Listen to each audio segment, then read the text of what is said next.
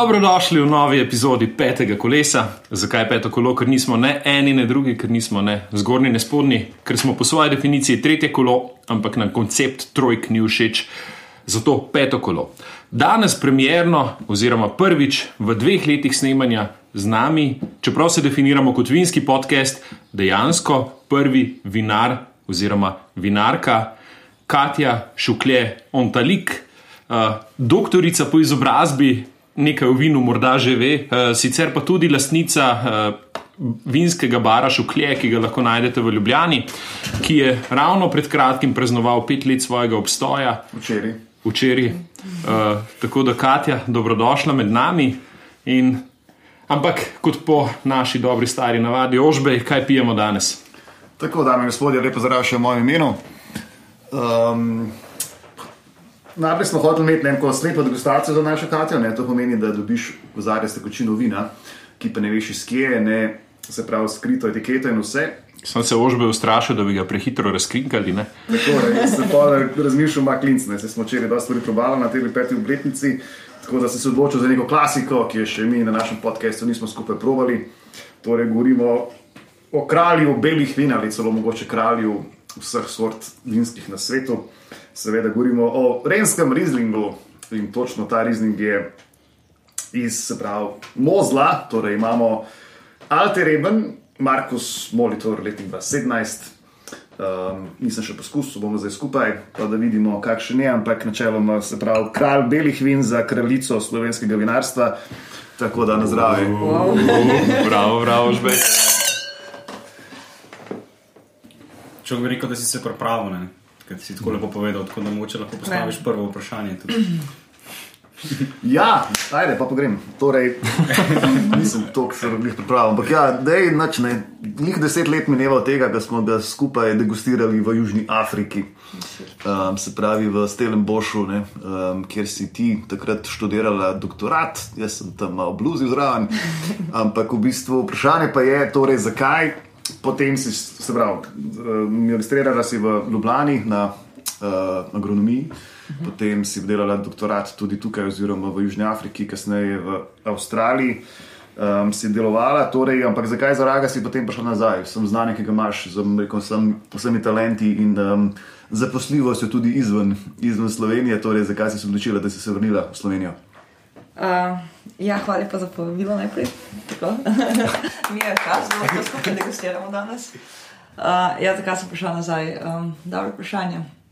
Ne prišla sem nazaj zato, ker um, pač po eni strani je bilo ful dobro iti uh, v tujino, Južna Afrika, pa Avstralija. Mislim, ne vem, osebno sem se dosti naučila. Ne vem, da veliko novih stvari vidiš, uh, veliko stvari probaš, mogoče ki jih ne bi izkusil, če bi bil samo doma.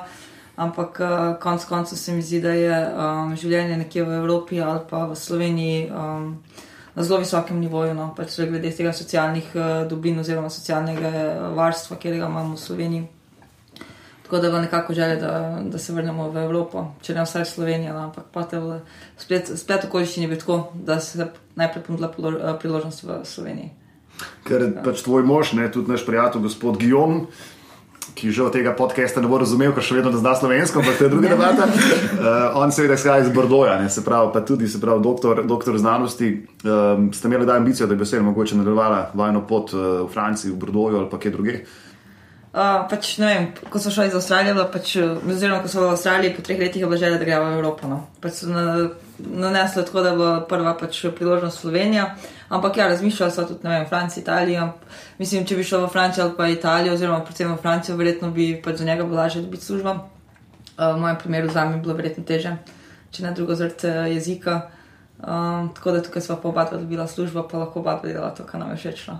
Tako da pač. Kaj pa, je, logična izbira. kaj pa je mogoče to, kar delate? Po eni strani ste se lotili revitalizacije tvoje, tvoje domačije, oziroma v Beli krajini in revitalizacije vinske produkcije uh, Belo krajine, uh, po drugi strani pa ste se lotili tudi dokaj, bom rekel.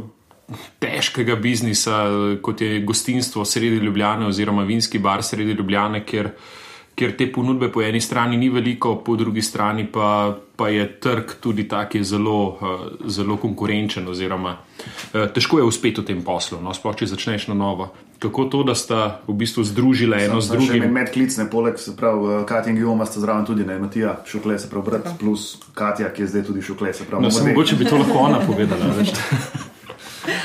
Ja, ja je, imamo več različnih uh, družinskih projektov, kjer so vsi družinski in vsi smo pač vpleteni v njih v določene, v, do določene mere, v ene projekte bolj, v druge manj.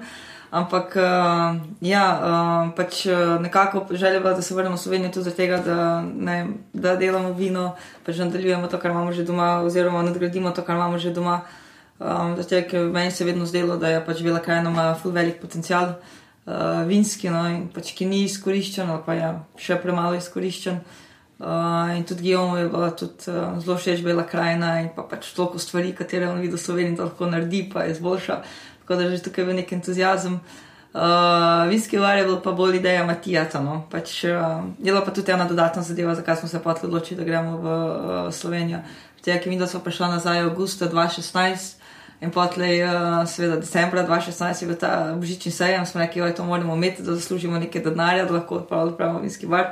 Tako da smo imeli pač eh, prvo leto tole božično stojnico, pa po leti 2017 smo pa um, odprli uh, vinski bar. Tako da, zakaj smo se odločili za vinski bar, pač je ideja v Matijata, Matijatova, predvsem za tale vinski bar. Uh, in uh, pač po drugi strani pa tudi zato, ker smo bili dosta okoli in se mi je zdelo, da manjka v Sloveniji te uh, širine, pač ponudbe uh, svetovnih vin. Ok, se je bil takrat, je bil pač že e-vino, pa Gašpr Čarman, ki so imeli kar nekaj izbora tujih vin, ampak pač so bili nekako bolj na obrobju mesta, no, niso toliko v centru mesta.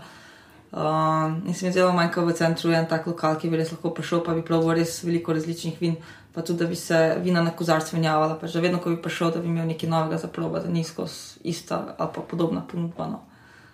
Poleg slovenskih vin, seveda. Ne. Kako vam nekako uspeva, pač zdaj polet bo verjetno nora kriza glede dela v strežbi oziroma nasploh v gostinstvu in v reku temu, se pravi, v turizmu, ne? pač ljudi ne bo. Vi imate recimo več kot, se pravi, večina ekipe je pri vas več let? Kar, je, kar je po svoje dosti zanimivo, se mi zdi, slovenske lokale kot take. Torej, kakšne odnose gradite in kako v bistvu Poleg tega je celotna ekipa šla tudi preko vseh teh tečajev, od Smoljev do VSETA, ne se pravi, se izobražujejo, ker se mi zdi zelo fajn, da je ekipa tam, ki, ki ve, kaj prodaja, ki zna pač vino predstaviti.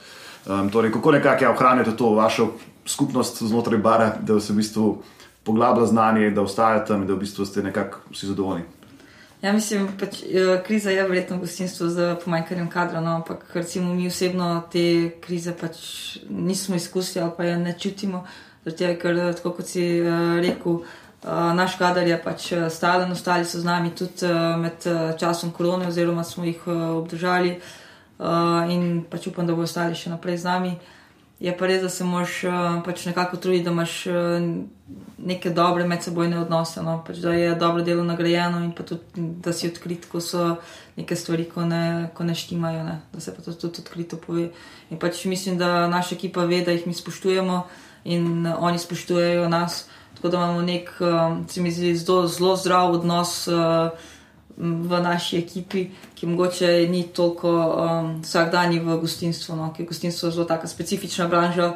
Poslano in se ljudje, oziroma delavci, se zelo hitro menjajo, si poiščejo nove službe, ampak mi smo uspeli nekako zgraditi neko skupnost, ki ostaja z nami in tudi vlagamo v naše kadre, pač jih probujemo izobraževati, in skozi imajo v sejet, oziroma s Timonom tudi so imeli narejen uh, drugo stopnjo. Sem jih imel da- vprašanja. sem- sem- Tako da se trudimo res, da so pač izobraženi, da ko pridejo gosti, da vejo nekaj o vinu, pač da vejo nekaj povedati. Pač, ja, da so zadovoljni, no se trudimo, da so zadovoljni. Ja, Kako ste pa prebrodili v bistvu to koronsko krizo? No? Ker to je bilo za, sploh za gostinstvo velik izziv, ne? ker so bile stvari zaprte. Kako ste se pa s tem soočali v bistvu zadnje dve leti? Ja, prvo zaprtje je bilo, po mojem, najbolj šokantno, ker tega ni noben pričakoval, oziroma pač je bilo nekaj čisto, pač čisto drugače, nekaj čisto novega. No, kaj, Ste bili, tukaj, ste, bili, ste bili tukaj na črno odprti?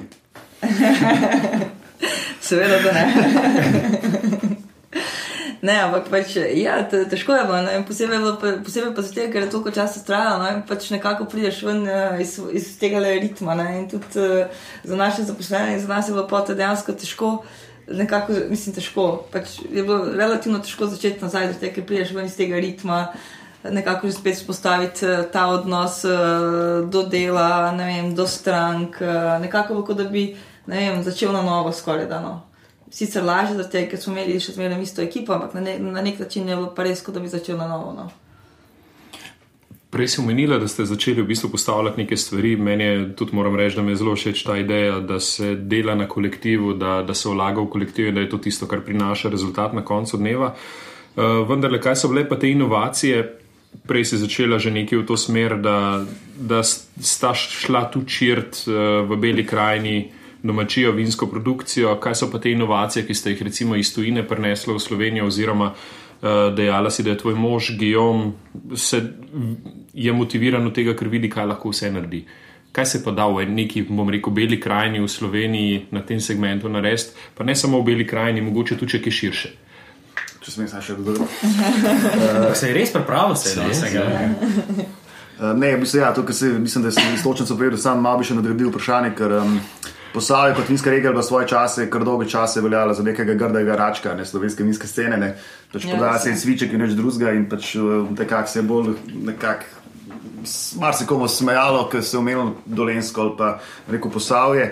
Uh, danes se opaža nevredne premike v tej regiji, ne? opažamo v bistvu. Um, uh, nove stile, pač, če naprej postavimo peneča vina, ne, ki dosegajo vrhunske, vrhunske rezultate. Ne, na Dolenskem, recimo, zdaj je fulveri podarek na modri Frankini, ne to, da recimo. Zdaj, dva tedna nazaj smo bili v Sevnici, ne, kjer je bil pač, um, se pravi, tudi strokovni posvet, konferenca, pošla sta ne Jamie Good, prišel je Simon Wolf, ne, to so imena, ki v Sloveniji jih tako rekoč ni bilo do zdaj. Ne. Jamie je rekel v intervjuju, da pač prvi je povabil v Slovenijo Gijom. Um, torej, ja, kako gledaš tudi ta v bistvu, razvoj regije, ki se je zgodil v zadnjih petih, desetih letih, ki je pač fenomenalen. Um, torej, ja, zakaj in kako in kje se ne, nekako se upada z, z vajnim prihodom nazaj. v zadnjih petih, desetih letih. Ja, to je bilo pa preveč ambiciozno, da rečete. Ampak, ne, se ti drugi hvalimo, ne se, se ne sam. Ja, tega ne bo razumel. Uh, ja, tako kot sam si sam rekel, uh, postavljam, mislim, da je uh, doživljalo pa doživelo renesanso v tem vinskem uh, smislu.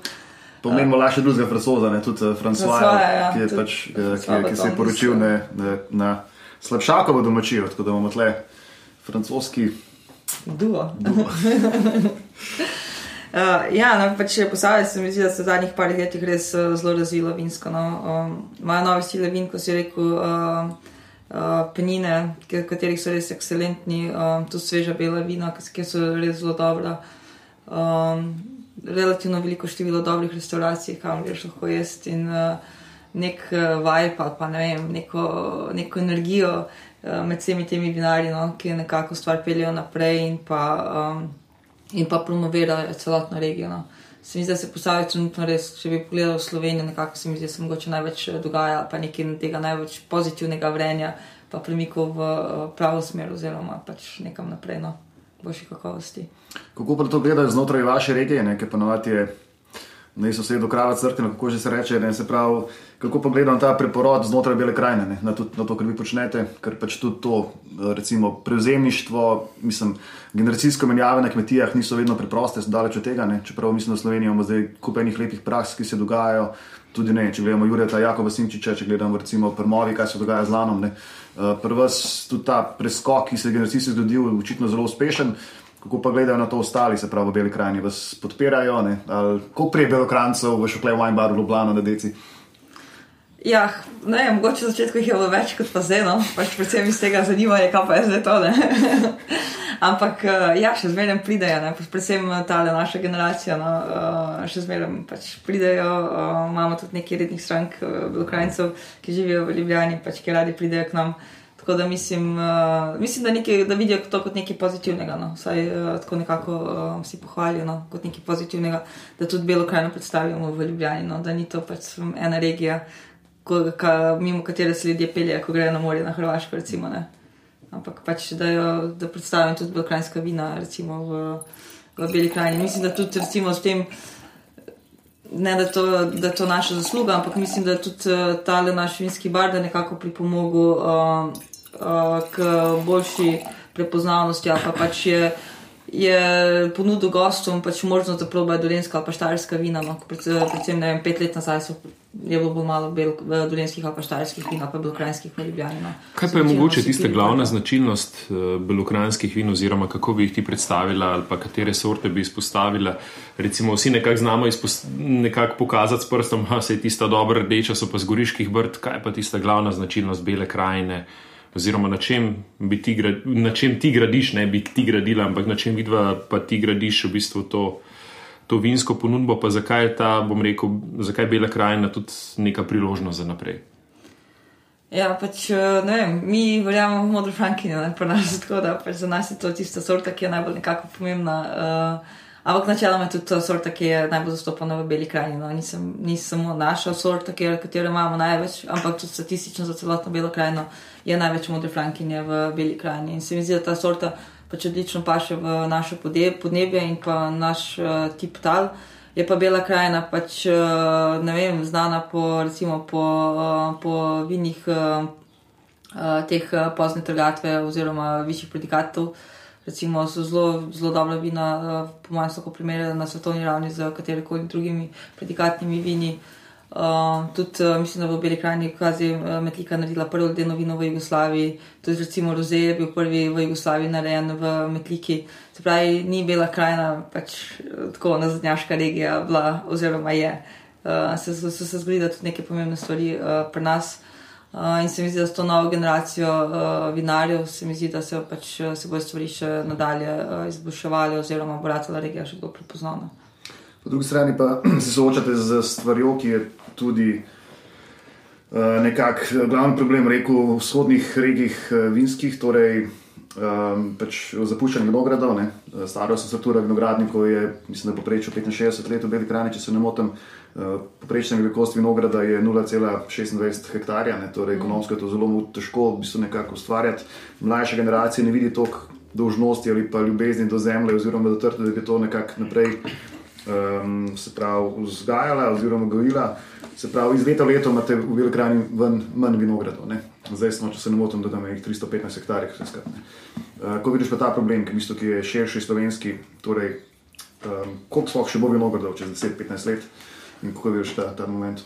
Mislim, problem. Ja, je problem, pa po drugi strani mogoče ni problem. Pač, ja, je število vinogradov, pa hektarjev je manj, kot jih je bilo včasih in po mojem bo še naprej manj ampak to je dejansko posledica zgolj tega, da tisti pač hobi vinogradniki ali pa um, ne vem. Nekako bi to rekel, velika krajina je pač tipično, da vsaka kmetija je imela poleg, vinogr, je imela poleg njiv, je imela gozdove in je imela tudi svoj vinograd, 300 trt, 500 trt, 1000 trt. No. In pač zdaj se dogaja, da tista generacija, ki te vinograde obdelovala, oziroma obdelovala tudi njive, nekako je že toliko starela, in pač tega več ne zmore obdelovati. Ta mlajša generacija ali več ni prisotna v Beli krajini, so se večinoma izselili v Ljubljano, recimo, ali pa kam drugam.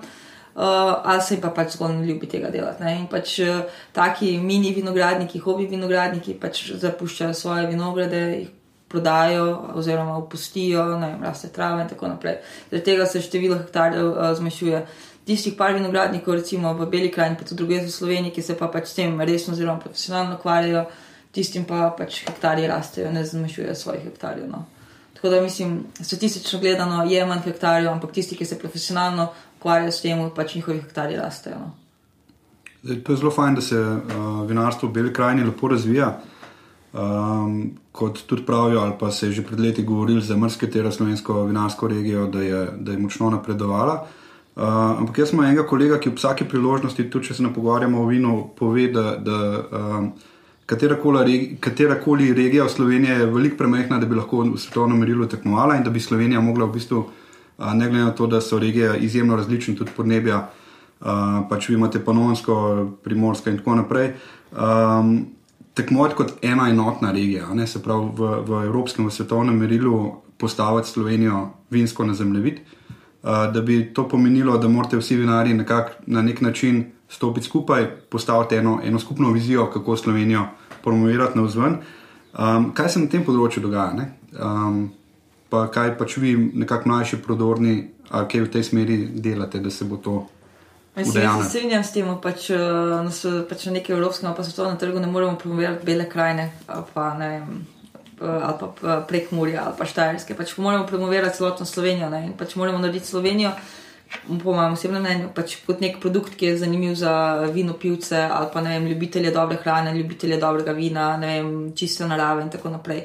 In potem, ko bodo ti ljudje pač prišli k nam, potem seveda jim pokažemo vso raznolikost, katero imamo. Ne. Se pravi, ne moremo pa promovirati samo ene regije, se mi zdi, ali pa posameznih regij, ker so res so premehne regije. Ne. Se, tudi ostale države, recimo tudi Avstralija, se, se ne promovirajo v svetu, ne promovirajo zgolj Barossa ali pa Clare Valley ali pa ne vem, McLaren Valley, promovirajo celotno Avstralijo in pač eh, najprej moš narediti. Državo kot brand, da je zanimiva za vinskega uh, pivca, za pivca vina potem pa lahko znotraj tega začneš promovirati posamezne regije ali pa ne ljudje jih potem že sami odkrivajo, ko enkrat narediš državo, da so znano kot uh, nek brend v vinskem svetu.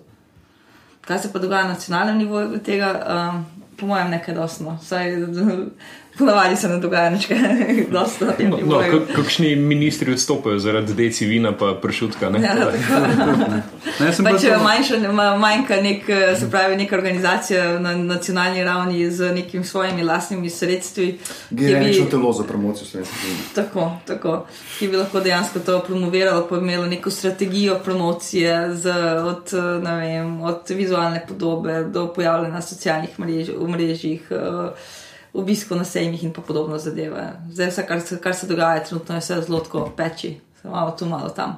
Nekaj tako malo občutek, um, kot da na začetku smo imeli nekaj družin vinarskih, ki so močno potegnile naprej, potem v bistvu so te družine um, regije cele potegnile naprej. Um, se pravi, v regiji pa edino smiselno priješ na, na celotno državno raven, da dejansko, se pravi, smo zdaj nekje v, v tem v tem umestnem obdobju, ko bomo mogli to. Ali pa bomo zmogli počasi to skupaj sestaviti, pa postaviti, če ne generično, vsaj edinstveno to telo. a ne. Um, kje smo kle, ne? ali pa kje je tudi mogoče vloga države tukaj? a ne? Um, Ja, mislim, ne vem, če smo a se to tudi brez države zgodi, praviloma, ali, ali pač kako to deluje? Ne? Ja, po mojem, bi lahko nek konsens najprej med vinarji, kaj bi sploh želeli. No, se mi drugače imamo, eh, trenutno je ravno, če smemo malo dodati, ne, trenutno imamo, se pravi, v zakon eh, v obravnavi, no, Samo promocijo. ki, eh, ki ga usklajujemo znotraj pač glavnih eh, sektorskih organizacij, ki pač ravno to omogoča, ustanovitev telesa za pač promocijo slovenskega vina doma in v tujini. Tako da zdaj v bistvu danes sem dobival nazaj popravke od teh organizacij, pa upam, da se bomo probali do konca poletja zmeniti, kaj in kako, pa potem gremo, upam, da tudi v zakonodajno proceduro, no? da pač res ustanovimo to telo, ki smo eni izmed redkih držav na svetu, da, ki tega nimamo, da ne govorimo, ja, če napišeš Wines of Slovenija v Google, kaj ti vam pade in kaj ti ne. No, kaj Da- ti vam pade, da povem. Pade ti je STO in to je to, ne se prenijamo za pač. Um, Tudi, ne vem, zdaj sama, ja, ker greš na tuje sejme, pa kamorkoli, nimaš še ene predstavitve, nimaš še enega materiala, nimaš še enega promocijskega, pač ničesar, mislim, ničesar, veliko premalo stvari. je, No. Ja, Ampak upam res, ja, da se bomo uskladili lahko, um, pa da potem res do, do mogoče še letos to dejansko tudi uspe. ja, sem samo celo brez financiranja, je bilo tako ne. Ne, ne, ne, se to ni, to, to, ja, je financiranje tudi urejeno. Ja. Mislim, urejeno, tukaj so največ, največ pomislekov, seveda. Ne. Ne, pač pričakuje se. Zakaj pa pol- mislite, da bomo imeli više davke v Sloveniji? Pol je, pol je, pol je, pol je. Pol denarja ne bi šlo iz sektorja, pol pa iz države. No. Tako nekak je plan. Uh, smo že nekje na polovici našega pogovora, Martin, skoči. Ja, tudi mi upamo, da bomo dobili kdaj kakega sponzorja, do takrat pa vas zabava naša stalna rubrika Ne sponzorjev. Eh, Za začetek v Bruslu ni noben partizan, teritorijalna obramba Marjan Šarec. Kupujem samo slovensko pridelane računalnike, sto imenova SP, Kramberger, it wasn't me, Kučan DO. Kaj pa bodo upokojenci delali, pregled katalogov vlada DO, ter više, ko je cena, manjša je draginja, robi golobi, eksport, import. Hvala lepa vsem ne sponzorjem. Tale, tale šala s proizvajanjem računalnikov v Sloveniji me, me je v bistvu spomnila, da bi Slovenija potrebovala tudi poleg vseh teh bonov, turističnih, digitalnih in vseh eh, širokih, tudi vinski bon. Mislim, če, če za kaj zmer najdemo denar, je pa za to. a ne. Uh, mene Za bi bona za alkohol. za alkohol. Ministr za zdravje opozarja. Ja, to, to je res, to je res.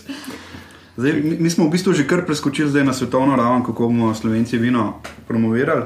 Uh, mene pa še to zanimalo. Um, v bistvu pomeni en cel svet problemov za enega mladega človeka, ki hoče, še posebej, če gre za neko staro, ustaljeno panogo, uh, uspeti prodreti um, z nekimi svojimi zamislimi.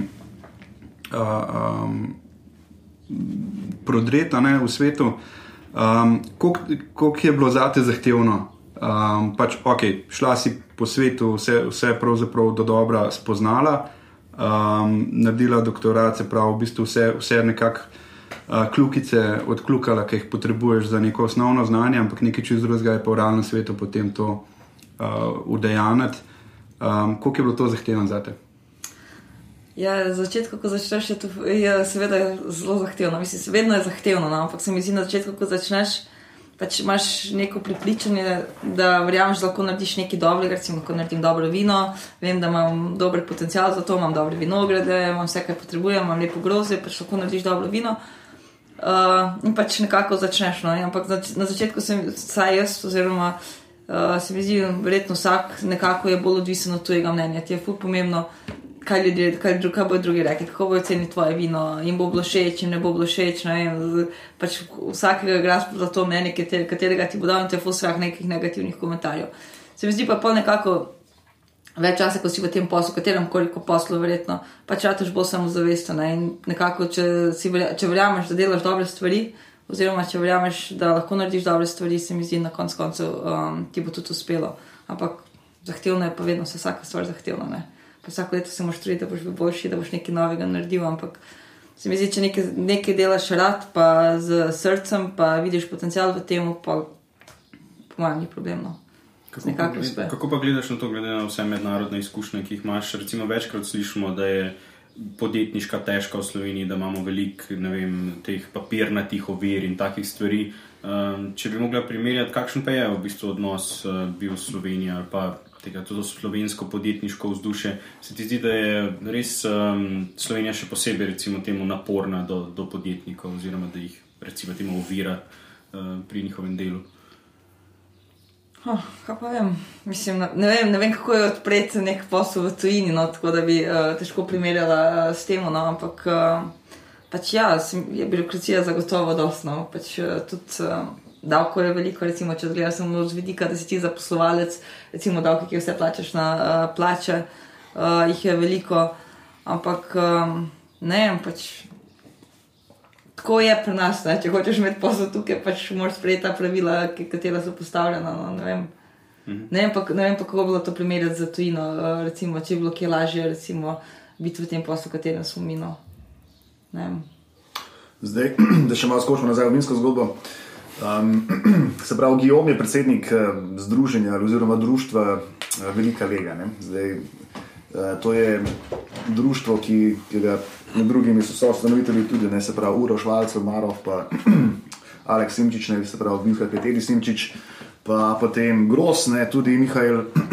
Torej, zanima me, um, ja, odkje je ta ideja, se pravi, podarek predvsem na, na prostoru, na terovarju, um, ta tripartitni sistem, se pravi, imamo um, regijo oziroma vas, potem tudi veliko lega oziroma single winner, kot temu rečejo.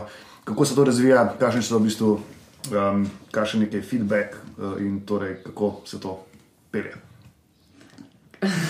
Če smem samo preoskočiti, da vse ostale nas bolj vinsko ne vedne, zakaj se gre pri tej zadevi. Ja, ja da je razlož malo. Se bo bogate. Ja, se to je bilo pred vprašanje do zadevnega vprašanja. Ja, uh, ta slovenska velika lega, to pač je združenje uh, štirih trenutno uh, vinarjev oziroma vinskih družin ki, nekako, ki imajo skupno idejo, pač, želijo promovirati uh, teroar, oziroma hočejo nekako pokazati, uh, pokazati različne lokacije, oziroma razčleniti svoje teroarje. No. In nekako se to, uh, smo se združili s to idejo. Da Zdaj bo Fulano vprašal, kaj pa je teroar? no, ti razložiš. No? no. Kaj si se že javil, pa razloži? Ne, se bogati. no, pač, hočemo, hočemo razumeti boljše svoje vinograde. Pač teroar je, ne vem, znanstvena definicija, bi bilo skupek eh, geografskih, geoloških eh, dejavnikov, okoljskih dejavnikov in pa tudi seveda človekovega delovanja. Da narediš produkt, ki je nekako. Ja, ja. Ki ima neke senzorične značilnosti, ki so prepoznavne, oziroma so vedno nekako konstantne in razpoznavne z širšemu uh, krogu ljudi. Ne? Ne Če probaš Kemember, da so vsi Kememberi, da imajo neke skupne lastnosti, lahko rečeš, to pa je Kemember. Ali pa, uh, ne vem, recimo, probaš bli, Pa, pa veš, da to je pa še blizu tega, ki ima neke tipične uh, senzorične lastnosti, ki so pač edinstvene temu, uh, pač tej regiji ali pa tej vasi ali pa ne vem karkoli. No. Uh, in pač nekako je bila ideja tudi uh, tukaj, ne samo promovirati uh, single uh, vinjard oziroma posamezne lege, tako kot uh, veliko ljudi misli, ampak nekako boljše razumeti svoje vinograde, pa tudi promovirati, uh, nekako narediti neko strukturno piramido, ki jo imajo večina, ali pa ne vem, vse pomembne vinske regije v svetu, um, kakovosti in pa nekako uh, tipičnosti. Uh, tudi za slovensko okolje, in nekako smo se zbrali štiri vinarske družine, ki imajo neko podobno uh, ideologijo glede tega, in uh, ustanovili združenje, ki tudi uh, ga financiramo s pomočjo uh, te letne členarine. In recimo en tak dober primer tega, kar se da, kaj se da narediti, če neka um, složnost oziroma sloga ali podobna ideja, je pač recimo ta konferenca, ne konferenca, ki ni bila financirana z, uh, z strani društva, ampak recimo uh, Jamie Good, ki je prišel v Slovenijo, uh, pa z Levinson, ki so ga povabili preko združenja, uh, ki so povabili preko združenja uh, Velike Lega. Se pravi, um, nekako složnost med vinarji in potle nekako privabiti tuje kritike, promovirati uh, slovenska vina. Oziroma, ja, slovenska vina, zato ker so vinarji vseh štirih vinorodnih držav, imamo Brda, imamo prek Murija, Štajersko Slovenijo in pa Belo krajino. A pa je point privabiti čim več drugih vinarjev v, v to zgodbo? Ja, pač ideja je ideja tudi, uh, ja, da se priključijo ostali vinari, ampak uh, so neka pravila, katera je uh, potreba upoštevati, pa tudi neko prehodno obdobje, da lahko postaneš polnopravni uh, član. Tako da, ja, ideja je seveda, da se, da se priključi čim več vinarjev. Uh, je pa mogoče za začetek lažje, da, je, da nas je manj, nekako da se vzpostavi neka trdno jedro, oziroma uh, neka trdna pravila, trdna pravila, seveda trdna pravila, ki se potem lahko modificirajo glede na uh, potrebe, ampak uh, pač da se vzpostavi nek sistem delovanja, ki pa potem bo bil, ne vem, da se bo lahko naprej uh, širil na vse ostale vinarje, ki se bodo priključili. Je pa ideja, seveda, da jih prije čim več, ker hočemo, da vsi verjamejo v svoj terroir oziroma svoje vinograde. Ne? In pač ne samo, da verjamejo, ampak sčasoma, da jih tudi uh, dejansko znanstvo nekako, da jih znanstveno vrednotimo. Ne? Se pravi, ne samo govorimo, pač tako, to je moj terroir, mislim, da je poseben zaradi tega, pa zaradi tega. Ne, ampak tudi nekako damo neke znanstvene številke oziroma kazalnike gor na te, na te naše vinograde, rečemo, imamo pa tukaj tako temperaturo, pa ne vem, tak tip tal, pa ne vem, toliko padavin, pa ne vem, take, t- tako količino mineralov oziroma ne, hranljivih snovi. Se pravi, da nekako vrednotimo to in pravimo tudi razumeti, zakaj so naši terovarji edinstveni. No. A pa je kaj uh, konkurenčne misli ali pa podvigov v, v, Sloveniji na tem področju, ali ste edini, ki ste se tega lotili? Ja, ker zveni, kak- kakor da bi v bistvu v Sloveniji imeli veliko, da je to še ena v vrsti teh nedokončanih domačih nalog, da sploh se lahko začnemo primerjati s tujino. Ne? Ker, tako kot si rekla, dobivamo neke parametre, sicer ocenjevanja vin, pa te zadeve so. eh, Te ocene nekako pridejo, ampak da bi pa prav lege ocenjevali kot take, pa jih primerjali ali pa postavljali v neke širše kontekste te, tega znanja, pa kot da do zdaj ne bi bilo, oziroma se ne, nihče s tem ni strateško ukvarjal. Ne? Mislim, se ne Ja, gre tukaj za primerjavo. to Ne, ne simpel, vem, ja, ni to simpel, ampak ja. recimo kot nek laični pogled. kaj ne. tudi v preteklosti narejenega, drugače sicer ne. Tudi, imaš tudi, mislim, pač ja, ta stvar je malo bolj, malo bolj kompleksna vseeno. Mene je Ja. bolj, bolj v tem smeru zanimalo, ker pač ponovadi smo v Sloveniji tako, da uh, vsak termost ustraja pri, pri svojem pogledu na stvari. In tudi če mu nekdo argumentirano predstavlja nek, nek drugačen vidik, težko to sprejmemo. No? Pač bolj, bolj Ne, to ne, pa, to, pa najboljša lega za vino je ponovadi tista domača brajda, ki jo pri hiši nasadiš ne, in, in to tako. Ne. Ja, vsak ima svojo najboljšo lego. No? Zdaj, eh, ampak eh, se tukaj ne gre za primerjavo, ker je lega so najboljše, ampak se mi zdi nekako pomembno, da bi se karakterizirale. No? Pač, eh, da imaš tudi neke realne podatke, recimo v Avstriji, pač, ko promovirajo svoje, svoje lege pa svoj teroir. Imajo pač imaš neke znanstvene podatke, imaš neka dejstva. Seveda pač poleg ta dejstva, ko jih, jih prilago- prilagodijo oziroma jih predstavijo na način, ki je pač prijazen končnemu upora- uporabniku oziroma končnemu pivcu vina. Ne. Ampak je fajn, da imaš pa neko, neka trdna dejstva, pač da ne da ni trvasen, bla bla. Ne. Torej gre za neko marketinško urode tudi. Tako. Mislim, več Tako od tega. Jaz mislim, da predvsem, kar mi je všeč pri tem pač gibanju pa društvu, je to, da se pač daje podarek na, na prostoru. Ne. Slovenija, kot smo prej gotovili, svojo količino nikoli ne bo konkurirala masovno, lahko Ja. konkurirala samo s kvaliteto. V Sloveniji ful več dela vložimo v delo vinogradu, recimo kot v drugih državah. Ne. Mislim, da je čez ne vem, folk vloži 150-180 ur v tujini, pri nas je gibamo med mislim, da 250 in 320 urami na leto na hektar. Ne. Za primerjavo, pač za isto, isti hektar koruze rabiš 14 ur dela na leto. Ne, tako da pač fulje in tukaj pač lahko zmagamo samo s kvaliteto, s pravi višjo dodano vrednostjo. In to pride pa z tudi razumevanjem prostora, z v bistvu ja, unikatnostjo. No? Tako, z unikatnostjo, posebnostjo in zato se mi zdi ta, ta stvar pač zelo pozitivna. Ne. Ja. Čeprav mi se v Brtih, recimo, tudi je bila ta klasifikacija narejena že nekaj časa nazaj in mislim, da zdaj tudi nek. Uh, nek Mislim, trend to med to še proizvajalci, iz da bi 80. to že spet, da bi že spet nekako Ja, sem obudili. tam, je, to. tam je kozana tretja lega, recimo. Ja. Ja. Ne vem, kaj je Aleks rekel na to. Ja, tako da pač, eh, ni, nisem tole naše združenje, da pač so tudi, se mi zdi, ostali vino- vinogradniki začnejo ve, z, vedno več razmišljajo o tem, o svojih vinogradih, eh, o tervarju. In Tako naprej. Pač že, že to se mi zdi pomembno, da dobimo to zavedanje o vinogradu, da je pač vinograd tista osnova, da je to najpomembnejši del samega tega vinarskega dela oziroma vinogradništva, da, ne, da ni klet tisto najbolj pomembno. Že to se mi zdi ful velik napredek v, v miselnosti. No.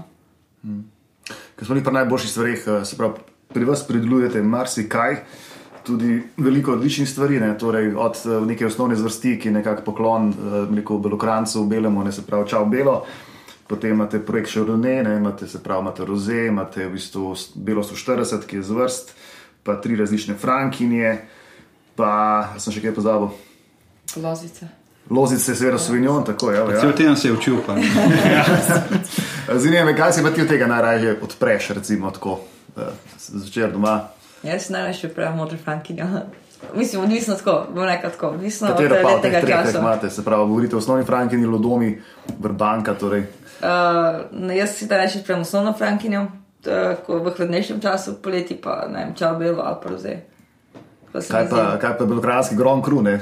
Se Grand pravi, Cru. šprice. to pa sploh poleti. Velikranski šampanjci to. A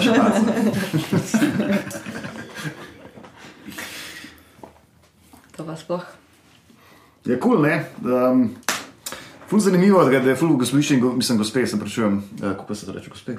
Da, je- da, da se to nismo skakali v besedo, ne, da je kar pač dejansko lahko izpadlo tako dosta normalno, ne za razliko od zadnjič od, od Štefančiča. Ne, tako da.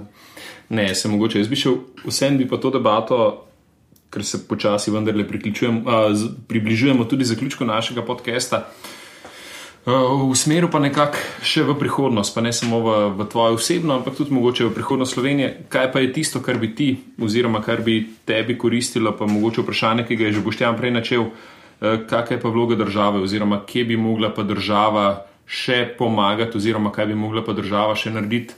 eh, tudi mogoče intermezzo, ta podcast je vendarle se veliko vpraša, uh, ukvarja s političnimi vprašanji in ravno zaradi tega, kaj bi pa država mogla še narediti, da bi bilo življenje tebe in tvojega moža, ki imata očitno neko znanje, ki imata očitno neke ideje, tudi lažje. Pa da ne bomo samo pri teh višjih, nižjih davkih, eh, pa zapeli na to debato, ampak kje bi mogoče čutila še tisto več podpore. Uf.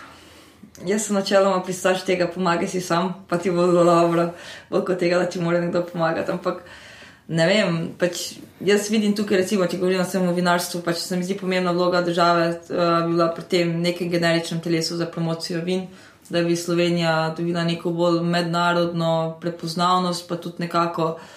Um, nek, se, se mi zdi, da zdaj v svetu imajo vsi predstavo o slovenskih vinih, pa ima svojo predstavo. Ni neke, nimamo ideje, kaj točno bi radi podali svetu, kaj Slovenija je v vinskem smislu. No. Se mi zdi, da je bila neka, pač tukaj je bila pomembna vloga um, države, se mi zdi, uh, v, tem, uh, v tem, uh, tem smislu, kaj Slovenija je. Pa tudi konec koncev mogoče ureditev teh. Um, Vin, vin, vinarskega tega sektorja, ki je dokaj neurejen, recimo, pač, ne vem, neprijavljeni pridelki, vse je tako nekako čez prste, se mi zdi, ni neke dobre preglednosti nad samim, nad samim tem, nad, nad, nad kmetijstvom, nasploh se mi zdi, no, nimamo neke dobre preglednosti v Sloveniji, pač ne vem, meni prijavljajo, eni so premehni, da rabijo prijaviti, uh, ne. Bolj, bolj zmeda, kot pa dejansko. Spravi, ne operiramo z realnimi številkami, no, ko se hočemo uh, o čem pogovarjati. In pa se mi zdi tukaj, že, če že nimaš neke realne slike uh, oziroma pregleda nad uh, sektorjem, se mi zdi pa tle zelo težko uh, narediti neko strategijo naprej, če ne veš, čem, čem upravljaš. No. Se mi zdi tukaj je nekako vloga države, kar bi lahko še spremenila. Potle pa pač seveda, da smo, um, da smo nekako. Um, v času z evropskimi direktivami in pa z, z temi uh, smernicami za, za črpanje evropskih sredstev. Ne, se mi zdi, tukaj je ena velika stvar, ki recimo dosti pomaga kmetom oziroma nasploh vsem, pač ta evropska sredstva, ki so na voljo za razvoj podeželja. Se mi zdi tukaj ta dobra, nekako dobra predstavitev kmetom, pač da, da lažje razumejo, te, ker so te razpisi so dokaj kompleksni postali, no tako nekako se mi zdi pom, predvsem pomoč na tem področju, da lahko lažje črpamo uh, sredstva, ki so na voljo. No. Pač jih je škoda, da jih ne bi počrpali, če jih že so. Golob slišal si. Zmigaj se. Ja. To to. Jaz mislim, da na tej točki se lahko zahvalimo naši gosti za to debato, uh, ki je lepo zaobjela tako vinski del, kot se mi zdi, da smo zadostili tudi kljukici političnega podcasta. ja, tokrat. malo. tako da hvala še enkrat, uh, da si se odzvala v bilo uh, in mi pa se ponovno slišimo čez 14 dni. Spremljajte nas na vseh možnih kanalih, predvsem pa tudi na Facebooku, kjer mogoče namignemo že prej, koga gostimo naslednjič. Pa pejte tudi vinski bar na, na brežju Ljubljana pogledati, no. se splača. To pa vedno dobro. Pa, ker imamo glih tle vinarko. Lahko tudi v belo krajino. 30. junija ne, so spet brike v Ljubljani, torej na Fužinskem gradu praznujejo, se pravi, ženske, ženske vinarke 30. juni. Ja. Tako da, če ste prisotni takrat, pa še toliko bolje. Kaj ti ni veliko ženskih vinar? A bo mar tako s Marko zraven? pa ni več Marko. A ni več. Je, jaz sem Marko. No? torej, 30. junija, kje je? Fužinski grad. Čudovito. Grad Fužine. Se slišimo čez 14 dni.